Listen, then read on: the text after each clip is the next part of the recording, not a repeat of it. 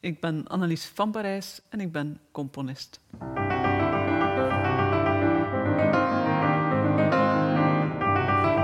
Podcast Freelancer. Wegwijs in de avontuurlijke wereld der freelance muzici. Gehost door Frauke Elsen en Florissant Bataille.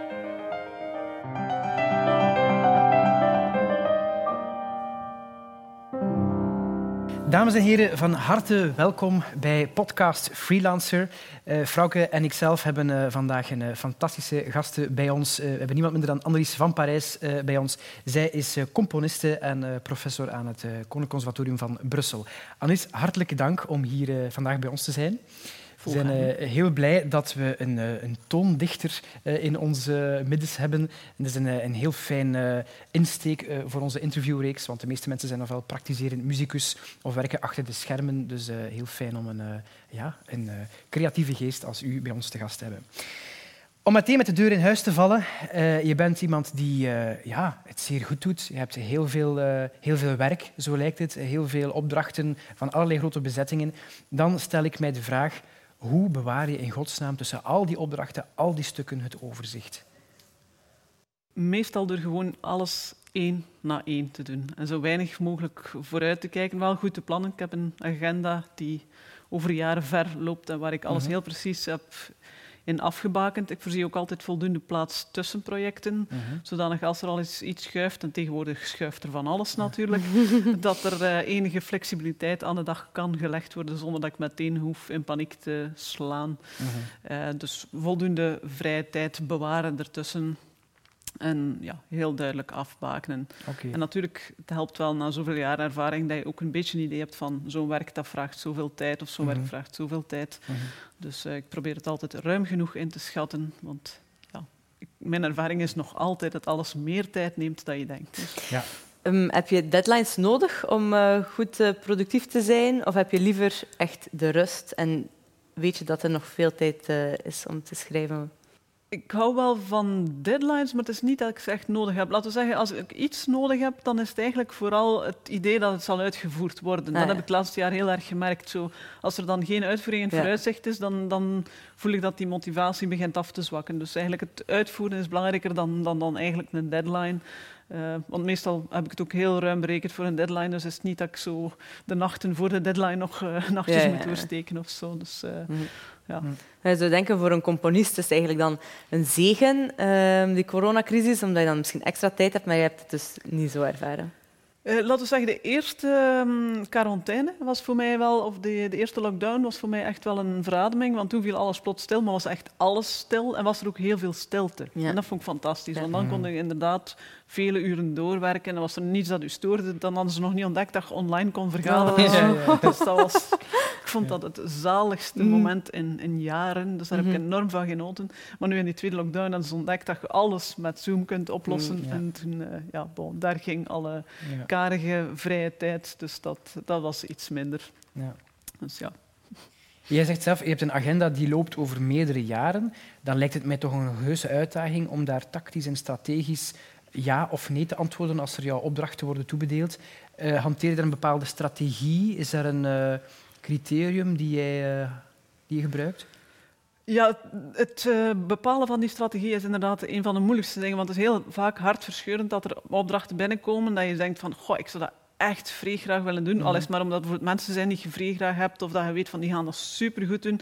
Maar ja, ja, je moet eenmaal keuzes maken. Mhm. En dan is het zo'n beetje afwegen van... Ja, ook variatie. Bijvoorbeeld een, als je een aantal concert, uh, orkestwerken uh, na, na, elkaar hebt, van dan te zeggen, ah ja, maar dan wil ik een keer ertussen iets, uh, ja, eerder kamermuzikaal, wat kleiner. Mhm.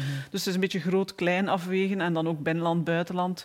En natuurlijk zeker ja, als, als klein als je een buitenlandse opdracht krijgt, dan is dat zo wel iets dat je een beetje de voorrang moet geven, want ja, het blijft heel moeilijk om, om in dat buitenland ja, gevraagd te worden. Dus als het dan gebeurt... Ja het is niet, het is niet evident. Mhm. hoe kleiner het land, hoe moeilijker. Dat is gewoon omdat je veel minder ja, publiek kunt genereren eigenlijk. Als, als, als, Duitser of als Fran, uh, Fransman kun je ja, kunt rekenen op een soort eh, grote achterban. Ook Mhm. hetzelfde met uitgeverij. Je merkt dat als eh, nieuwe mensen aanwerven, dat zijn niet altijd de grootste namen. Mhm. Er zijn bij ons grotere namen, bij wijze van spreken, maar ja, die spreken voor een kleinere achterban. Dus Hmm. dan zijn het toch eh, eerder mensen uit die grotere landen of grote taalgroepen of zo. Ja, Ja. oké.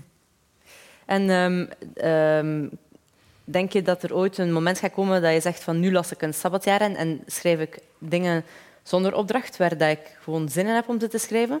Of heb je, word je meer geïnspireerd door de opdrachten? Dat is een zeer zinvolle vraag, want inderdaad, je denken, het zijn altijd opdrachten. Eh, op den duur moet dat wel Mhm. gaan vervelen. Nu heb ik wel een beetje die chance dat er inderdaad, doordat er zodanig veel aanvragen zijn, dat ik eigenlijk ook heel erg gericht, en dat is dan weer een beetje op uw vraag antwoorden, kan kiezen wat ik, wat ik daaruit pluk. En Mhm. heel vaak is het, ja, een paar jaar geleden zat ik dan eh, eigenlijk al een tijdje met het idee van, goh, ik wil vrij graag een pianoconcerto. Mhm. Krijg ik van Antwerp Symphony een, een ja, opdracht. Zeggen ze, ja, wat wil je doen? Nou, Ja, ja. druk, dan, dan smijt ik dat daar even in, een pianoconcert. Ah ja, super, voilà. Dus eh, op die manier eh, heb ik tegenwoordig wel de luxe dat ik eigenlijk echt die dingen er kan uitpikken. Dat ik denk van, oh, daar heb ik nu een keer goesting in. Ja. Dus, want anders zou ik dat inderdaad zeker de behoefte voelen aan een tijdje van, goh, ik heb misschien zin om dit of dat te doen. Mhm. Maar in feite doe ik nu al jaren enkel waar ik echt vrij veel Mhm. zin in heb. En helaas een aantal dingen die ik heel veel zin in heb, niet. Maar bon, ja, Ja. Kill your darlings. Ja, eh, ja, keuze, ze. ja. Ja, ja, ja. het is altijd lastig. Je hebt allicht ook een, eh, ja, een aantal grote mentoren gehad of mensen eh, die jou gestuurd hebben, ook jouw toontaal hebben beïnvloed. Ehm, wie is dat voor jou geweest of is cruciaal geweest in jouw ontwikkeling als componist? Goh, er zijn altijd een aantal mensen die je op weg zetten. Hè. E- Eigenlijk zou ik zelfs al heel vroeg moeten beginnen. Hier in Brugge zat ik op de, op de muziekschool. Mhm. En dan eh, mijn lerares, Therese Thun, dat was de pianolerares. En die was zo... eh, dat was een van die leraars die zo af en toe een keer wat nieuwe muziek durfde Ja. geven. Zo. En dat heeft mij eh, van in het begin geprikkeld, want ze moet al rap ontdekt hebben dat ik nogal nieuwsgierig was. Mhm. Eh, dat ik die Bartokskes, waar dat veel andere kinderen over zagen, dat ik die super cool vond. Ja, ja, ja. En eh, die Mhm. had al snel door van, ah ja, ik kan dat precies wel wat meer voederen. Dus daar heb ik dan ook Debussy ontdekt. En Mhm. daar is het een beetje ja, ontstaan eigenlijk. En dan op het conservatorium heb ik dan ook weer geluk gehad. eh, ik kwam daar eigenlijk eerst binnen voor piano. Maar eigenlijk mijn enige interesse was, kan ik hier ook compositie volgen als Mhm. nevenvak? Want ik wist eh, niet eens dat je dat allee, als hoofdoptie Dat dat een was Ja, ja, ik ja, ja. ik had er geen idee van. Ik wou gewoon componeren en ik hoopte dat dat ergens een keuzevakje was. En ik had geluk. Dat was zelfs een keuzevak dat eh, behoorlijk wat studiepunten opleverde. Ik bedoel niet dat mij daarom te doen was. Ja, maar, ja, Maar eh, dat Mooi werd eh, gretig gevolgd door een aantal mensen die helemaal geen zin hadden om te componeren. Maar ik was heel blij dat ik het kon doen. Ehm, en dan was eh, Jan Respes mijn Mhm. docent. En die had eh, meteen zoiets van, ja, zouden dat niet als hoofdvak ook Mhm. beginnen doen? Eh, want allee, je hebt precies toch wel wat meer dat kriebelt dan bij veel andere studenten. Ja, ja, Eh, ja. dus die zag meteen potentieel. Van hem heb ik ook heel veel dingen geleerd. Onder andere bijvoorbeeld, ik was toen nog zo in het soort romantische idee van ah ja, componeren, dat is inspiratie. En je, allee, dat, dat- je kunt dat alleen maar als die inspiratie komt. En keer op keer, iedere week kwam ik naar de les. Ja, het kwam, Het kwam niet, Het kwam ja. niet, het kwam niet, ja. en toen heeft hij mij op een keer gezegd, ja, maar je, kunt, allee, je moet niet blijven wachten tot het komt. hè. Je zet je iedere dag aan een tafel en je begint. Hè. Dat was voor mij een zware shock dat, eh, dat je op die manier kon nadenken over, over componeren. Mm. Dan ben ik dat toch... Ja, ik dacht, bon, we zullen het dan maar proberen. Ja. En ik moet zeggen, hij heeft eigenlijk wel gelijk. Ik bedoel, Het is gewoon een soort regelmaat die je moet inbouwen. En natuurlijk, er zijn dagen dat je dingen schrijft of dat er niks op papier komt. Ja. Of dat het waardeloos is en dat je de volgende dag denkt, oh my god. Maar bon, het is gewoon door erin bezig te blijven dat je wel een soort routine ontwikkelt. Dus van hem heb ik heel veel van die, eh, heel veel ook praktische tools eh, meegekregen. En dan op het moment dat hij dan directeur werd, eh, ja, vond hij dat ik een keer moest uitzien welke leraar dat er bij mij paste. En hij had al een beetje een ideetje wie dat er bij mij zou passen. En hij zei, Mhm. ga een keer langs bij Luc Brewijs. Ja. En ja, dan ben ik met een partituurtjes onder de arm Ja. bij hem gaan aanbellen. En ja, dat was een eh, fascinerende ontmoeting en dat klikte eigenlijk meteen. Mhm. En eh Luc is dan ook naar Gent gekomen om les te geven. Hij heeft daar Mhm. een aantal jaar les gegeven. Mhm. En dan, voor mij was dat zo ja, een enorme klik, eh, ja, een soort kwantumsprong bijna in het componeren op dat Ja. moment. Want het was inderdaad, Jan Respes had dat zeer goed ingeschat, exact de juiste persoon op het juiste moment. Ehm, waarom? Omdat Luc natuurlijk uh, zijn de opnameleider uh, voor de VRT heel veel uh, ja, kennis had van alle soorten muziek. En wat deed hij? Ja, hij zag meteen, ah, je zit daarmee bezig. Ah, maar dan moet je die muziek niet hebben luisteren. Mm -hmm. Dus hij wist telkens de juiste muziek op het juiste moment mm -hmm. te, te, geven. En dat is voor mij heel belangrijk geweest. en dat is ook iets dat ik nu probeer als ik zelf lesgeef, ook te zien bij studenten van ah, ze zijn daarmee bezig, misschien moeten ze naar dat luisteren. Ja, ja, ja. Want je kunt naar dingen luisteren op een moment dat je er niet klaar voor bent en dan, dan heeft het weinig zin. Ik bedoel, het kan ook interessant zijn.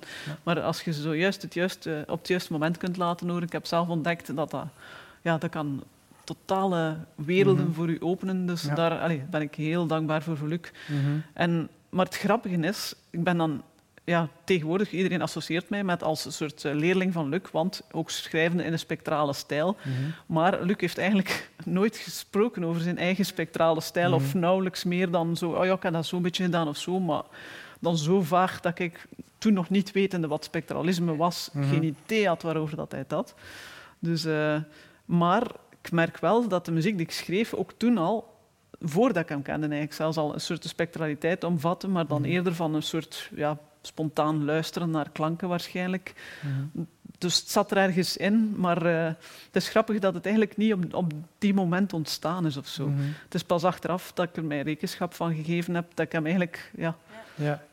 dat hij het niet in de les zelf erover had en dat er toch blijkbaar iets is overgewaaid. Ja. Waarschijnlijk natuurlijk omdat hij ook wel andere spectralisten liet horen. Hè. Dus, mm -hmm. Want hij liet heel, heel zelden eigen werk horen. Dus, ja. uh, dat was dan, uh... eigenschappen van een goede leraar, hè. van het beste in uw leerlingen denk ik naar boven te halen. Voilà. Ja, los van een etiket ook. Hè. Ja, ja. Zonder een kopie van uzelf te laten, te laten ja, wel, het is dat, het is dat. Hij vond zo echt van, nee, je moet, je moet je eigen ding doen. En, ja. Uh, ja, dat is... want mm -hmm. zei, ja, een van de grote verschillen die hij zei van, ja, jij schrijft heel erg lyrisch. Dus, en dat vond hij dat ik absoluut moest uh, ja, mm -hmm. koesteren. En het is daarmee dat ik dan ook veel muziektheater meer en meer ben gaan doen. Omdat ja. ik ook echt voelde van ja, dat klopt misschien wel. Want de zangers vinden ook dat dat muziek is die gemakkelijk zingt en zo. Ja. Dus ja, je gaat dan toch in de richting dat je, mm -hmm. dat je een beetje gestuurd wordt, maar niet, niet strak. Ja. maar zo op een heel losse manier. En dat vond ik, uh, allez, voor mij is hij toch een van de grote inspiratoren. Mm -hmm. En eigenlijk zijn werk beïnvloedt mij, denk ik, nu meer dan dat het vroeger deed. Omdat ik nu regelmatig een keer terug naar luister en denk, ja. ah, maar wacht een keer, hij was dat of dat aan mm -hmm. Dat ik toen geen, ja, geen benul had. Hè. Ze nog zo jong. Naast zijn eigen werken uh, is, ook, uh, is hij ook een fantastisch orchestrator uh, geweest. Van, ja, Weiden, Luc Brevais. hij heeft de Aprilus van Debussy bijvoorbeeld op een goddelijke manier georchestreerd. En ik weet dat het ook een fascinatie is van u, bijvoorbeeld de, de kameropera Pilas et Mélisande, die je hebt herwerkt. Um, ook de lyriek die je nu en je, en je ja, de fascinatie voor opera. Mm. Vind je dat belangrijk, het orchestreren en de juiste klankkleur eigenlijk instrument casten voor een bepaalde uh, melodie of harmonie? Is dat iets waar je van wakker ligt? Uh... Ja, voor mij is orchestreren, uh, dat is echt zo mijn speeltuin een beetje mm -hmm. geworden. En omdat je nu inderdaad spreekt van die Pelléas en Mélisande, dat is eigenlijk een, een, beetje toevallig gebeurd. Want oorspronkelijk was de vraag aan Luc Brewijs gesteld, van mm -hmm. kunnen dat orchestreren, maar die had toen totaal geen tijd. Mm -hmm. En die zei van ja, zou jij dat niet doen? En dan mm. heb ik die opdracht eigenlijk een beetje overgenomen. En dat is zo ook het begin geweest van heel veel, heel veel zaken, want die orchestratie is dan plots overal in Europa werd die, werd die gezien. Ja. Dus beginnen die dan plots in Duitsland en in Frankrijk te spelen. Mm -hmm. Oké. Okay. Ja, dus, ja, um, dus ja, dan... Daarmee is de bal aan het rollen gaan. Ja, daar is er ook heel veel mee. Ja, daar is met name heel, heel veel internationaal mee. Uh, mm. ja. Dus zo plots een weerklank gekregen van ja, dat je als orchestrator blijkbaar iets te vertellen Terwijl ik daar nooit echt bewust bij stilgestaan had. Het is ook niet... Allee, wij hebben orchestratie gekregen in de tijd op het conservatorium, maar zo ja, niet uh, exceptioneel veel of zo. Dus, uh, en dan plots word je dan zo een beetje geboomd als zijnde de, de orchestratiespecialist. Mm. werd ik plots ook gelanceerd als van, jij geeft dan orchestratie op het conservatorium. Ja, ja, ja. Dus ja, natuurlijk ja, plots, uh, allee, er waren ook een heel aantal orkestwerken in, in die periode. En, en ja, er zijn er nog, dus dan, dan natuurlijk gaandeweg bouw je wel expertise mm -hmm. op als orkestrator. Maar het is niet dat ik zo een zeer strenge leerschool gekregen heb. Voor je ook om dat een beetje uit de lucht te vallen dan? Ah, wel ja, dat was een klein beetje verrassend. Zo. Maar Luc had wel altijd gezegd, uh, en dat was eigenlijk een van de eerste opmerkingen, dat hij zei van, uh, ik vind het fenomenaal hoe dat je de klankkleuren hoort in je hoofd. Zet, als ik zie wat dat gecombineerd, Ja, ik vond dat, dat was iets dat meteen opviel. Dus Mm. dat, die belangstelling voor kleur moet ik eh, Mm. zelfs als, als klein componistje al Ja. een beetje gehad hebben. Want, en dat is inderdaad ook wel iets waar ik heel vaak mee bezig ben. Als ik denk in kleuren, ik denk niet zozeer, oh, ik denk ook wel in, in harmonie en melodie, maar ik denk ook heel vaak in kleur, echt van dat instrument samen met dat instrument in die tessituur, Mhm. wat dat, dat dan doet of zo. Op een of Ja. andere manier ontstaat dat dan in mijn hoofd. Dan weet ik, ah ja, maar als ik dat erboven plaats, dan gaat dat, dat klinken of dat gaat dat ruimtelijk effect geven of zo. Mhm. Allee, ja, dat zijn dingen waar ik altijd Ja. heel erg door gefascineerd eh, ben geweest. Dus, We zijn eh 2021. Ehm, als we hier in Brugge in de straten gaan vragen, noemen ze een paar eh, componisten op. Dan wordt misschien wat filmmuziek vernoemd. Maar dan gaat misschien toch vooral een aantal eh, oude witte mannen met pruiken eh, vermeld worden. Ik denk aan een, een Bach of een Vivaldi of, of, een Beethoven of, of zo. Ehm, ja, de verzameling is anno 2021 veel bonter gekleurd natuurlijk.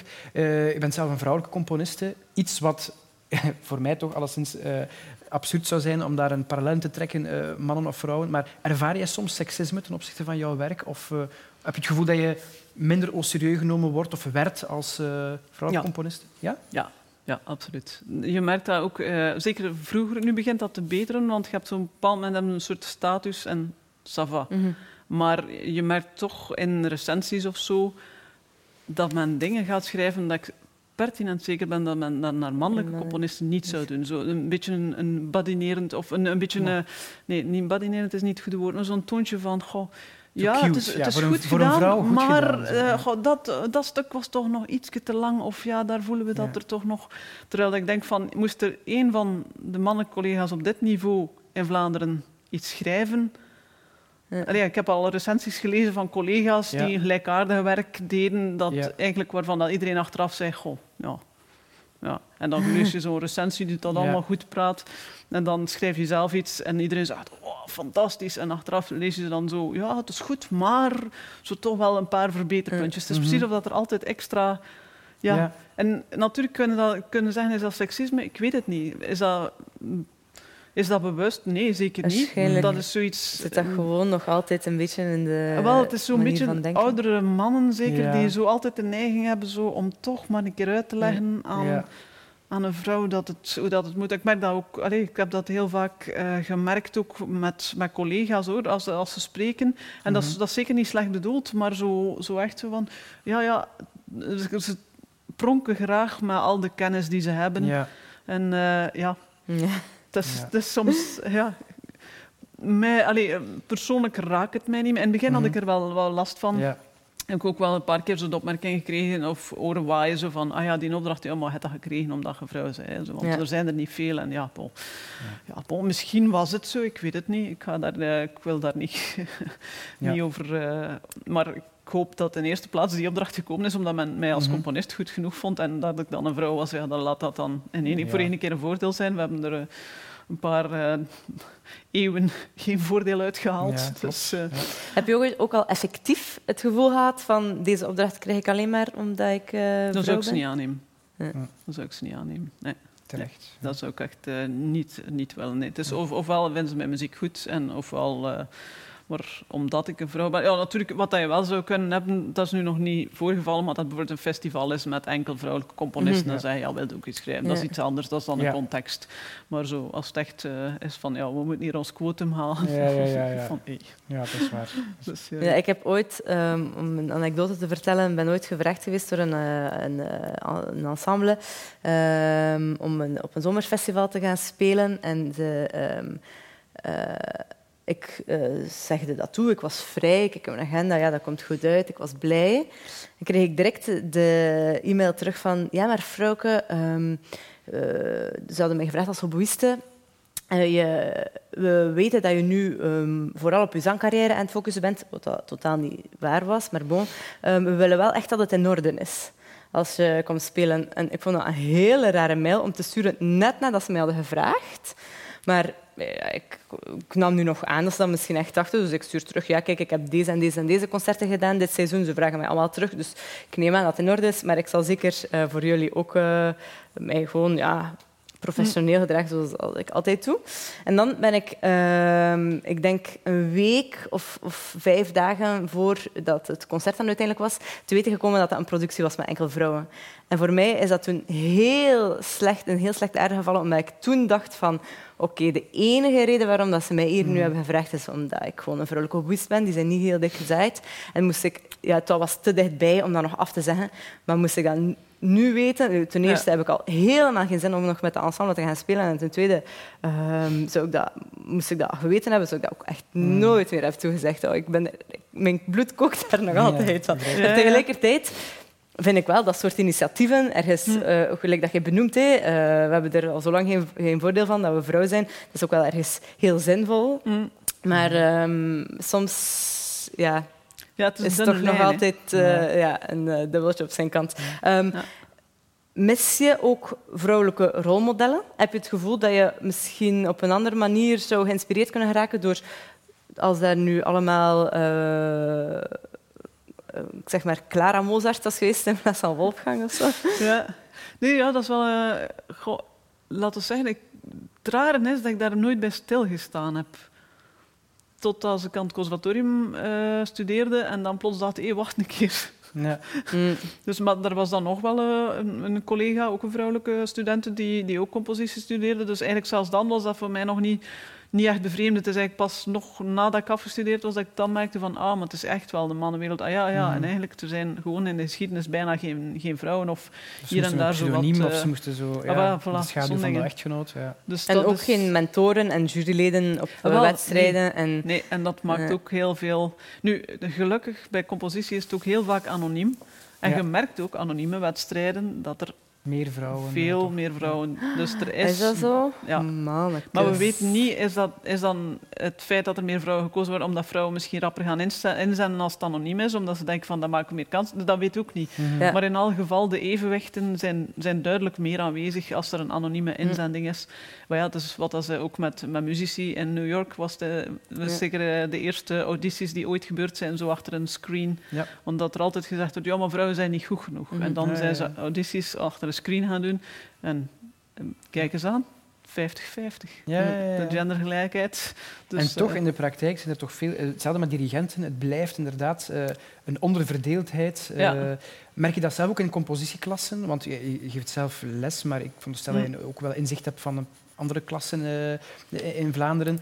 Hoe komt het dat er, dat er minder vrouwelijke componisten verschijnen aan de Ah, wel ja, dat is inderdaad raar, want in mijn klas is het 50-50. Toch? De helft eh, zijn vrouwelijke studenten. Maar misschien, ja, ik ben ook de enige vrouwelijke docent in heel Vlaanderen. Ja. dat is, misschien is daar... Bij Hendricks anders? Uh, ja, misschien, alhoewel dat ik de indruk heb dat er ook aan andere conservatoria best wel vrouwelijke studenten zijn, misschien iets minder... Uh, dat weet ik niet, Allee, daar durf ik geen uitspraak over doen, want af en toe doe ik wel een, jury. En dan zie ik toch ook wel regelmatig vrouwelijke studenten. Dus ik zou niet zeggen dat het echt 50-50 is, maar toch best wel wat. Er is hoop voor de ehm, toekomst. Ja. Dus ja, er is zeker hoop voor de toekomst. Het enige is, want eigenlijk als ik studeerde was het ook al zo dat een kwart van de studenten vrouwelijk was. Alleen, waar zijn die gebleven? Ja. Dus, uh, en dan merk je dat uh, het is natuurlijk voor een deel, ja, het is een deel misschien tegenkanting, ik weet het niet. Een deel niet geloven dat het kan, want mm -hmm. te weinig rolmodellen inderdaad. Ja. Um, in die zin ben ik bijvoorbeeld heel blij dat in de tijd toen ik nog studeerde, dat Kaya Sariago bij ons op een bepaald moment een mm. lezing is komen geven. Voor mij was dat, ah, dat was de eerste keer een vrouwelijke componist met een enorme naam die, die daar lezingen stond geven en die echt iets interessants te vertellen had. Dan dacht ik van, ja, ziet, het kan wel. dus, um, maar zo'n dingen zijn echt heel belangrijk, want, want anders ja, ga je hem ook zelf geloven van, ja, nee, ja. Mm -hmm. dat, is, uh, dat zal altijd zoiets tweederangs zijn. Mm -hmm. Dus... Uh,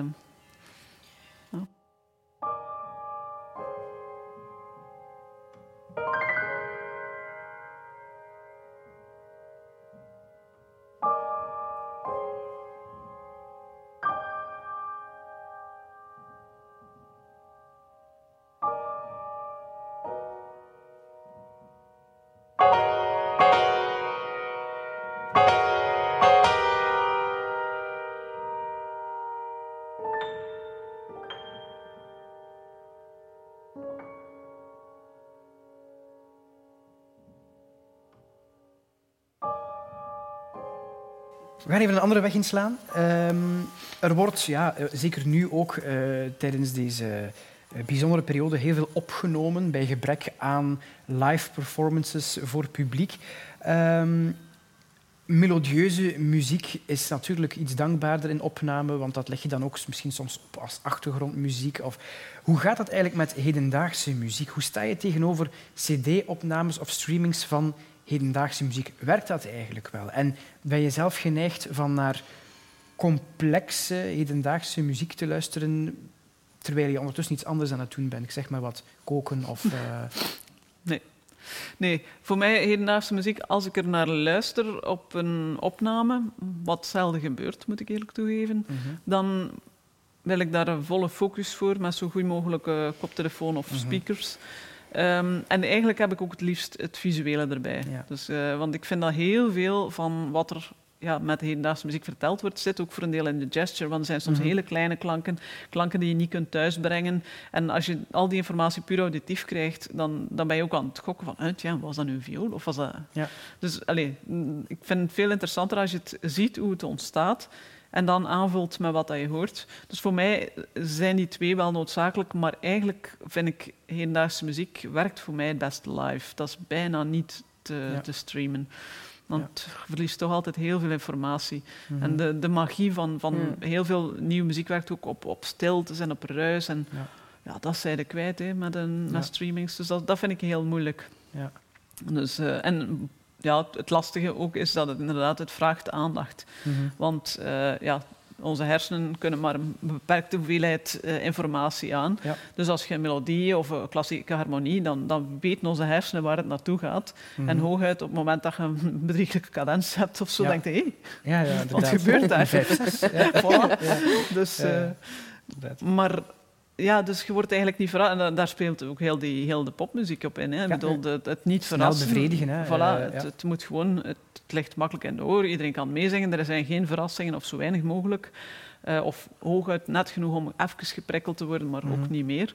Terwijl nieuwe muziek, ja, daar is niks voorspelbaar aan. Dus je hebt eh, geen mhm. melodie dat je kunt denken van ah, dat gaat daar naartoe, geen harmonie, geen, zelfs de klankkleur kan verbrokkelen. Dus alles mhm. is nieuw. Dus in die zin snap ik ook wel dat, dat bijvoorbeeld op radio niet gemakkelijk is om dat te draaien en dat te verdedigen dat dat gedraaid wordt. Ik snap dat dat op cd niet zo goed werkt, dat je altijd binnen diezelfde niche blijft.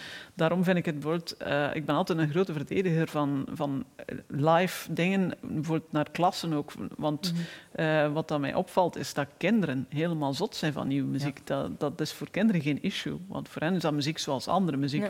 Dus die vinden dat gewoon cool, al die kleurtjes en die klanken. En eh, wat is dat? Wat gebeurt er? Dus, en hoe ouder ze worden, hoe meer dat ze al uh, ingepeperd zijn dat er harmonie en een beat en van alles is. En dan, is het, eh, dan zijn ze verloren natuurlijk.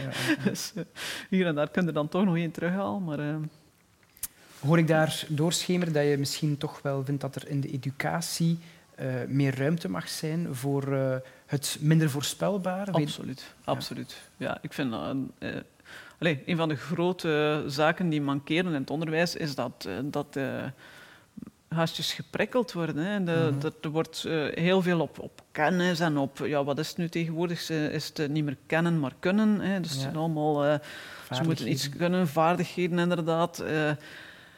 Maar dan denk je, ja, maar er is uh, allee, er is zoiets als verwondering. Mhm. Mogen we dat nog uh, beleven? Want dat is, dat is, toch ook iets heel essentieel voor een, voor een kind, van, van verwonderd te zijn. En verwonderd te zijn, dat, dat ga je niet doen door, door een of andere platte plaat op te zetten. En, en, want als, als je dan soms ja, in, in de lagere school of, of, of in, zelfs in de kleuterklas... Ik wandel dan zo regelmatig voorbij een school waar dat ze dan tussentijds ja, wat spelen en dan staat daar muziek op dat ik denk, oh my god. En moest ik daar gezeten hebben, ik zou als kind al gek, geworden zijn. geworden zijn. Dus ja. Dat, is, ja, dat is zo jammer, want daarmee, daarmee sla je zoveel dood. Ja. Een andere vraag die ik daaraan kan uh, ophaken, het, is, het gaat er eigenlijk naadloos, uh, sluit naadloos aan. Hoe sta je tegenover de toekomst van klassieke muziek? Zal onze ernstige, tussen aanhalingstekens, instrumentale muziek krachtig genoeg blijven om het te kunnen opnemen tegen die snelle bevrediging van pulserende beats en, en de four-chord songs die nu ja, ingelepeld worden met de jeugd, uh, alsof het pap is? het zal er niet gemakkelijker op worden, denk ik. Maar anderzijds merk je wel dat er altijd meer waardezoekers ontstaan. Er zijn altijd Mhm. mensen die het gewoon beu zijn, die daar geen goesting in hebben, die Mhm. iets anders willen. Eh, ja, als ik denk, als ik zelf eh, in het lager zat, ja, heel mijn klas luisterde ook naar al, die, naar al die popsongs en ik vond daar ook niks aan. Dus Mhm. er zijn altijd kinderen die, die op een of andere manier toch in iets anders geïnteresseerd zijn en die, die dan wel een weg vinden. Dus, maar het belangrijkste is dat je die, die kinderen de weg ja, blijft wijzen. Dat, Mhm. dat er een mogelijkheid is dat ze op een bepaald moment ontdekken. Had ik niet op de, hier op het conservatorium gestudeerd en Ja. die lerares had die zei van, ah ja, maar luister dan een keer of speel dan een keer. Ja. Dan zou ik daar nooit gekomen zijn. Dan zou ik waarschijnlijk na een eind ook anders geworden zijn. ja, voilà. Dus daarin, in die zin is het wel belangrijk. En ik denk onderwijs is eigenlijk het, het belangrijkste, want men legt altijd zo heel veel verantwoordelijkheid op cultuur. Hè. Cul- Cultuur moet alles oplossen. Hè. Ja. Cultuur moet uh, diversiteitsproblemen oplossen. Cultuur moet zorgen dat, dat mensen eh, hier massaal binnenkomen, maar eh, op welke manier dat die mensen moeten aangesproken worden, dat dat misschien in de educatie zou kunnen Ja. gebeuren. Daar, allee, er is daar een soort hiaat dat cultuur Mhm. probeert in te passen, alsof dat ze van zichzelf niet voldoende bestaansrecht zou hebben. En dat, dat allee, irriteert mij heel vaak, want cultuur heeft eigenlijk gewoon op zichzelf bestaansrecht. Mhm. Dus dat, wij moeten ons niet verantwoorden, wij moeten de grote maatschappelijke problemen niet oplossen, die moeten in het onderwijs opgelost worden. Mhm. Als ze daar eigenlijk in de klassen mensen in contact brengen met van alles, dan komen die mensen op een duur ook hier als ze groot zijn. Mhm. Maar als ze van niks weten, eh, ja, nu is het inderdaad zo dat eh, bijvoorbeeld hier het concertgebouw gaat inderdaad in verschillende Ja. scholen langs en brengt dat tot de kinderen. Dat is Mhm. fantastisch. Maar eigenlijk zouden die scholen en die leraars dat allemaal ook moeten kunnen. Ja. Dat is jammer dat dat dan zo'n eenmalig initiatief moet zijn, want ja, je kunt moeilijk vragen dat het concertgebouw daar eh, hele dagen, Tuurlijk elke week langskomt. Maar ja, zoiets, dat maakt het heel spijtig. Dat, dat, dat is zo'n beetje een, een gemiste kans. Als, als maatschappij moeten daar echt in investeren. Mhm. En DKO kan het niet alleen. Hè. We Nee, kunnen niet trekken nee. met... eh, Nee, want dan Ja. gaat men ook, het DKO moet dan ook, hè, dat moet dan ook meer eh, inclusief zijn. En, Ja. ja. maar ja, DKO wil dat volgens Ja. mij wel. ja, ja. Maar Zeer zeker. Dat, kunnen, het kunnen. moet kunnen, hè. Dat, komt niet uit de lucht gevallen. Hè. Je Ja. kunt de mensen niet met een kraag in de academie trekken en zeggen, en nu speelt jij piano. Ja. Dat, zo werkt het niet. Piano tot daar aan toe, maar inderdaad, klas en fagot of, eh, Voilà, of, of hobo, dat is dan een ander verhaal. dan wordt het natuurlijk. helemaal moeilijk. Dus daarom, als je van, van jongs af aan eigenlijk alles openbreekt en ze echt nieuwsgierig maakt, Mhm. dan ga je een heel andere maatschappij Ja. krijgen. Absoluut. We hebben het net al eventjes aangehaald. Eh, ja, als we het hebben over muziek en, en wat de vandaag de dag wordt gepercipieerd als zijnde muziek, wat gecommercialiseerd wordt, dan is dat vaak eenvoudige, strikt tonale muziek met ja, duidelijke, voorspelbare structuren. Is dat iets waar jij nog van kan genieten? En, en bij uitbreiding, als we vandaag kijken naar wie de lijstjes van hedendaagse muzikanten aanvoeren, ehm, dan zien we daar illustre figuren als Ludovico Einaudi, eh, Max Richter eh, verschijnen. Eh, misschien bij uitbreiding, toch misschien een ander verhaal, maar toch een beetje Arvo Pärt. Eh, Zijn dat figuren die jij respecteert? Of eerder is dat een gang van zaken die jij betreurt? Goh, ik probeer dat zoveel mogelijk te negeren eigenlijk. Want het, het, het irriteert me maatloos als ik het hoor. Dus ik, dat, is, dat is muziek die mij geweldig kan op de zenuwen werken. Dat is als, eh, ja, muziek die te simpel is of te, te voorspelbaar. Ja, kan er gewoon niet, kan er zelfs niet tegen dat dat, dat, Mm. dat speelt of zo. Dat, Mhm. het, het maakt mij fysiek lastig. Aan de kant. Ja. Ja. Dus ja. Moet muziek altijd iets vertellen? Men spreekt vaak over het verhaal in een stuk of compositie. Muziek kan blijkbaar niet gewoon Mm. muziek zijn. Zijn jouw stukken verhalend of eh, eerder niet? Ja, het is natuurlijk. eh, ik heb twee aspecten. Hè. Enerzijds het uh, muziektheatrale, toneelmuziek. en dat is natuurlijk altijd Verhalend, per verhalend. ja. Dat, eh, dat eh, hoort erbij.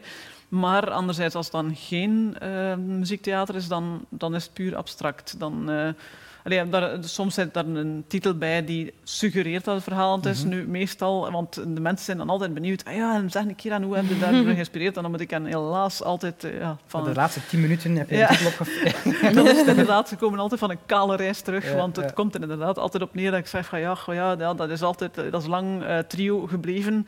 En toen wilden ze een titel voor het programmaboekje en drie maanden later er en vijf, eh, 25 verschillende schetsen later Ja, eh, vond ik dat dat misschien wel een schone titel was. Dus uh, tot daar de connectie. Mm -hmm. Dus um, ik heb dat zelfs mijn eerste um, ja, bekendere werkje, dat was uh, Phrase 5 dat ik dan opgestuurd aan een wedstrijd uh, die ik dan ja, gewonnen had. Dus dan plots sprak iedereen over dat werkje.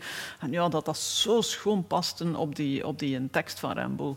En toen dacht ik, ja, je moest eens weten dat, dat het ding was al volledig geschreven. En toen dacht ik, oh, ik, heb, ik zou dat willen koppelen aan iets van literatuur. En dan lang zitten zoeken tot ik, ah, die Rambo, dat past er perfect bij. Ja, inderdaad. Ja. Word je correct vergoed naar je inspanningen, zonder hier uh, je, je, rekeningen en activa boven te halen? Uh, of, of anders gezegd, componeren, word je daar rijk van?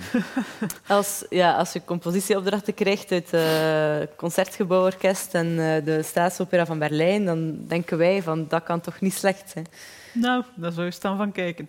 Laten we zeggen, uh, ik heb een agent die altijd voor mij onderhandelt. Uh, mm -hmm. In Berlijn hebben we een bepaalde prijs onderhandeld die zeker niet overdreven was. En daar vielen ze achterover van wat ik vroeg. Van en dat was hoogte. niet overdreven, ja. ja. Ja. ja. zij hadden een, een, bedrag in gedachten dat ongeveer de helft was. Nee. Dan heb ik toch eens uitgelegd van, uh, dit is een dat is ongeveer equivalent van een fulltime een jaar lang. Ja. Dus misschien moet je dan ook het equivalent van een fulltime bruto wedden een jaar lang betalen. Ja, Dus, uh, en dan nog, als je het uitrekent per uur, uh, allee, er zijn lucratievere jobs te vinden. Want, Ja. uh, maar ik denk, heel veel mensen hebben gewoon geen idee hoe arbeidsintensief Intensief. dat componeren is. Ja, er is natuurlijk een verschil. Je hebt ook componisten die inderdaad sneller werken, die direct op computer werken. Ik werk Mhm. inderdaad alles met de hand. Ik moet daarna allemaal overzetten op computer. Mm -hmm. Dat is inderdaad, ja, bon, goed. Mijn probleem zou je kunnen zeggen. maar uh, ja, ook de, ja, de doorwerking van de partituur, de, de bewerkelijkheid, zoals dat, mm -hmm. dat, dat eigenlijk met een term zeggen, zo, ja, is, daar is heel erg op, op gewerkt. Dat is niet zomaar drie lijnen en, en that's it. Mhm. Mm -hmm. Dus dat, bedoel, op elke noot staat er bij wijze van spreken wel een, een teken. Of, of. Ja, Dus het is, het is heel, heel ja, rijk georchestreerde muziek. En ja, daar kruipt gewoon heel veel tijd in. Mhm. Dus mensen hebben geen idee dat je een volle dag werkt en dan misschien vijf seconden muziek uh, kunt presenteren die min of meer afgewerkt is. Hè. Zeker als voor een uh, orkest en Een zangers. En zo. Ah, maar ja, het is dat voor een groot orkest uh, inderdaad. Als je vijf seconden geschreven hebt op dan een dag, dan al zeg wel je, ja, ik heb hier een goede dag gehad. Hè. Ja, inderdaad. Dus eh, ik denk, eh, ja, voor een kamermuziekwerk kun je misschien al een keer een zeer goede dag hebben van een halve minuut. Als er eh, een moment is dat eh, bijvoorbeeld de zangeres alleen zingt en dat er maar een klein Mhm. beetje begeleiding bij komt. Mhm. Maar ja, het is gewoon... Als, als elk instrument aan het werk is, en, en zeker als bijvoorbeeld dan een passage is met veel noten, gewoon al het fysiek opschrijven van die nootjes. Dat, Ik Stel, denk je dat hebt er, dat- ja. ah, sorry. Ik denk dat er veel ehm, componisten misschien ook ehm, het dan op de computer zetten en uit handen geven, maar je doet dat bewust niet? Of? Oh, ja, ik, ben, ik ben zo slecht in dingen loslaten. Hè. Dus, eh, ik ben nu voor het eerst eh, met een klein eh kamermuziekdingetje aan het proberen van iemand het handschrift te laten op computer zetten. Het werkt vrij goed, dus wie weet. Maar eh, ja, nee, ik ben, ben al zo ver dat ik eh, sinds mijn uitgever heb het kunnen, kunnen uit handen gegeven van niet zelf de partijtjes allemaal te maken. Ah, ja. Want voordien wou ik ook dat controleren. Ja. Dus dat heb ik nu uitbesteed. Omdat je bang maar- bent dat er gewoon veel details verloren gaan? Ah, maar ja, er zijn dan al, natuurlijk altijd dingen, en dat gebeurt dan ook. Ik kan mij Ja. er geweldig in opjagen, maar ja, je moet dat dan gewoon ja, ja, kunnen aanvaarden. Dat er op een andere manier geschikt wordt. De maten waar dat er bijna niks in staat, dan plots heel smal zijn, terwijl Ja, dat, dat ja, bij mij allemaal even Ja. breed moet zijn. En Ja. dat er dan plots een voortekening staat bij een, bij een hoorn of zo. Dat ik denk, ja, maar dat maakt helemaal geen hoofd. dus ja, bon, dan, Ja. maar dan moet je dat gewoon even laten weten van, ja, kijk, ik zou liever, Liever hebben zo of zo. Ja, dus, maar, ja, is, dan merk ik dat het heel moeilijk is om die dingen uit handen te geven, omdat je het zelf ja, heel erg perfectionistisch wilt controleren. Maar ja, Mhm. Ja, omgedraaid kunnen ehm, wij als uitvoerders ons daar ook heel erg aan ergeren. hè. Als iets, iets Neem niet op de juiste manier is. eh, op, eh, ik weet nog dat ik een eh, gesprek had met het... hoe heet het nu weer? Een heel bekend strijkkwartet, Amerikaans. Maakt niet uit. Dat zij ook zeiden... ehm, dat ze zich zo kunnen ergeren, inderdaad, als, als, als een maat, een ritme, inderdaad, als dat dan zo in verhouding niet klopt en zo. Maar ja, er is natuurlijk niet altijd de tijd om dat allemaal... eh, Kronos Quartet was wat? Nee, eh, misschien zal ik, het stra- Ja, zal ik er ja, straks ja. op komen. Ja, maar dat is dan inderdaad een soort hoffelijkheid naar je uitvoerders toe om te zorgen dat dat in orde is, vind ik. En ook gewoon, je weet dat er heel vaak weinig repetitietijd is als je die dan moet verliezen aan het feit dat ze het keer op keer voorbij die maat spelen omdat hij zo klein staat. Of, of ja, ritmes verkeerd interpreteren omdat die onhandig geschreven staan. Ja, dan... Hm. Eh, Jack Quartet. Ah, ja, ja. Ah, ja. Als we het hebben over die grotere uh, orkestwerken, en je zegt ja, op een goede dag heb je dan ja, een seconde of vijf, zes geschreven, is het niet heel moeilijk om dan de dag dat je die vijf seconden geschreven hebt en dan doe je even iets anders, uh, s'avonds, en dan moet je zonderdaags weer aan je bureau gaan zitten om terug in te komen in wat je die dag ervoor en al de weken ervoor hebt geschreven. En een werk dat misschien goh, een half uur, drie kwartier duurt. Ja. Hoe behoud je daar het overzicht in binnen die ene compositie al? Ja, dat is inderdaad... Uh, dat vind ik een van de lastigste zaken. Dat is inderdaad een zeer, uh, zeer goede opmerking. Want um, als je dag na dag kunt componeren, dan gaat het. Omdat je dan soort, in een soort flow zit. Maar natuurlijk, de realiteit is vaak... Ja, bon, je kunt twee dagen componeren, dan moet je andere dingen doen. Dan moet je naar een stomme podcastreeks. Uh, voilà. dus uh, ja, of ze, zijn, of ze repeteren voor de première. Of, ja. Uh, ja. ja bon, er zijn altijd ja, onderbrekingen natuurlijk. Da daarom hou ik van de zomervakantie, omdat ik dan soms echt weken na één kan, elke dag kan schrijven. En dan merk je dat je gewoon een soort, ja, veel makkelijker dat continuum kunt behouden. Mm -hmm. En anders is dat heel vaak ja, herlezen, opnieuw vertrouwd raken met je materiaal. De eerste dag komt er niet veel. De tweede mm. dag beginnen te gaan, de derde dag moet je weer iets anders. Ja, ja. Dan gaat het ja. veel moeizamer. Dus eigenlijk aaneengesloten stukken schrijven is veel makkelijker dan als je het moet onderbreken. Maar het blijft lastig. Misschien tijd om enkele dilemma's op uh, Annelies los te laten. Ik zou zeggen, uh, fire away. Hm. um, een jaar geen concerten of een jaar geen koffie? Een jaar geen koffie dan maar. Um, we, hadden er, we hadden het er net al over. Uh, Debussy of Brewijs? Brewijs. Opera of kamermuziek? Opera. Uh, en dan een vet betaalde compositieopdracht voor uw meest gehate politicus of een gratis compositie voor uw favoriete artiest? Oh, gratis compositie, het zal wel zijn. Daar moet ik geen seconde over We gaan niet zeggen welke politicus. Uh, dat, dat laten we ja. um, Hoe belangrijk is het voor jou um, welke artiest dat jouw uh, werken, uh, of welk orkest of, of welke muzici die jouw werken uitvoeren? Uh, belangrijk in die zin dat ik het heel tof vind als er veel engagement is. Mm -hmm. dus, dat, uh, hoeven dat grote namen te zijn. Nee, natuurlijk is dat tof als dat uh, plots een grote naam is die je werk wil spelen of een, bel een belangrijk orkest of whatever. Dat is natuurlijk, ga dat niet onder stoelen of banken steken, dat is, dat is ook tof. Maar mm. als die er dan zitten, ambtenaargewijs, van, mm. oh, ja, het meisje heeft ook iets geprobeerd, ja. ja, dan is de lol er snel af. Dus ik heb dan liever eigenlijk een minder groot orkest, bij wijze van spreken, ja. waar dat iedereen er 100% voor gaat.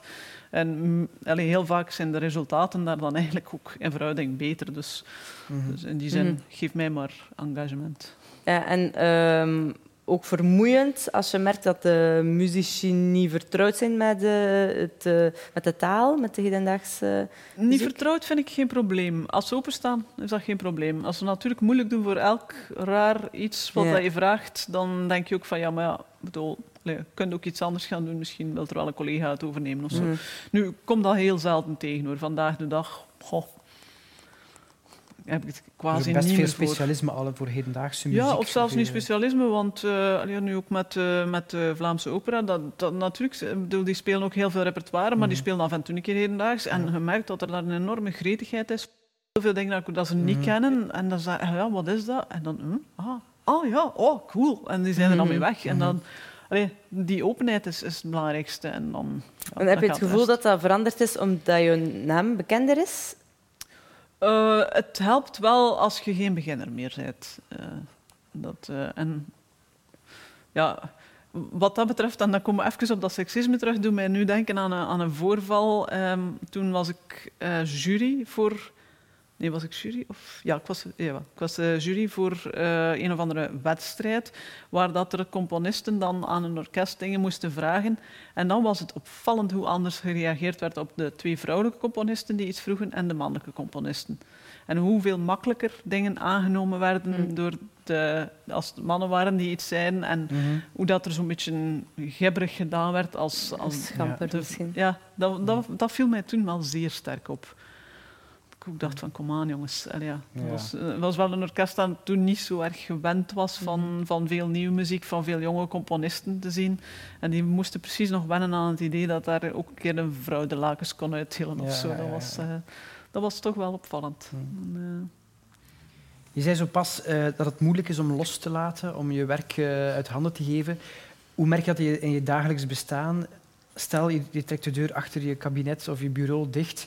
Hoe makkelijk is het om dan te leven en, en eh, de muziek even achter jou te laten? Lukt dat? Of eh, is een moeilijke balans privé en eh, professioneel? dat is een hele moeilijke. Ja, ja. Want dat blijft... Ja, dat kan mijn deur wel toetrekken, maar Dat hier blijft malen, het malen, inderdaad. Dus, ehm, een van de dingen die ik heel vaak doe in de zomer dan vooral, en daarom hou ik ook van de zomervakantie, want ik heb dan zo'n atelier waar ik vaak werk, dat ongeveer 30 kilometer van Gent ligt, Ja. waar ik woon. En dan doe ik vaak terug de terugkeer eh, met de fiets, zodanig dat ik zo de tijd heb om eigenlijk eruit te geraken. Maar eigenlijk wat ik dan meestal in concreto doe, is de hele tijd op het punt waar ik gestrand ben, nadenken van ja, maar wat, wat kan ik, wat, wat moet, hoe moet het verder gaan? En tegen dat ik in Gent kom, meestal het eerste wat ik doe, ja, ja, is het opschrijven. Dus ja, ja, ja. dan ben ik er toch ook weer aan voor de moeite. En s'nachts? Eh, ik heb één geluk, ik slaap fantastisch goed. Zet mij neer, leg mij neer, ik ben weg. Dus, eh, dat is- Totdat de wekker gaat. ja, of dat de kat aan de deur staat en miauwen. ja, dat kunnen ze wel. Ja, we zijn ongeveer aan het einde gekomen van, onze, van ons gesprek. Het was eh, ah, heel boeiend geweest. Je bent ehm, ook als de docent actief. ehm, dus je hebt een heel aantal eh, ja, jonge aspirant-componisten onder je vleugels. Ehm, een aantal mensen die luisteren zijn, zijn geen student bij u, maar zouden misschien wel veel geld geven voor een gouden raad van, eh, niet Tante Kaat, maar eh Annelies van Parijs. Wat kan je meegeven aan, aan jonge aspirant-componisten en welke raad had je misschien zelf graag gekregen als twintigjarige student? Goh, ik denk de raad die ik zelf graag had gekregen, heb ik allemaal gekregen. Dus wat dat betreft heb ik geen, eh, niet echt hiaten of zo ondervonden. Het is niet iets dat je nu weet, dat je zei van had ik dat maar geweten toen ik twintig was. Nee, eigenlijk niet. Eigenlijk is er niks dat ik denk van, goh, dat hadden ze mij moeten vertellen Ja. of zo. Dus, ehm, nee, een van de belangrijkste lessen die ik zelf altijd gekregen heb, is, ja, blijf open. Dus blijf luisteren naar dingen, blijf open voor, voor invloeden. Ehm, en ook blijf uzelf. Eh, probeer niet iets te imiteren. Blijf gewoon dicht tegen jezelf, wat dat je zelf het gevoel hebt dat je moet schrijven. En als je dan met een soort open mind, dan, dan leert je gradueel wel dingen, eh, ja, de dingen die je moet leren. Maar ehm, ja, niet proberen iemand anders te zijn dan dat je bent. Dat heeft Hmm. weinig zin. Ben je gelukkig? Is het een job die je graag doet? Componeren? eh, Ja, absoluut. Ik zou geen andere job willen. dat is heel mooi. Dank u wel, Annelies, voor dit eh, heel fijne gesprek. Ik dank ook mijn eh, collega Frauke. En u, dames en heren, voor het eh, kijken en luisteren. En we zien elkaar heel graag terug voor een volgende aflevering. Dag. Dit was Podcast Freelancer.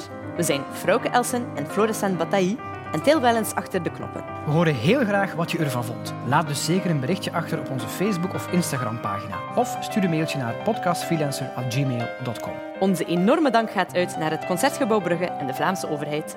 Ben je enthousiast en kijk je al uit naar een tweede seizoen? Maak dan een donatie via triotiek.be-podcastfreelancer.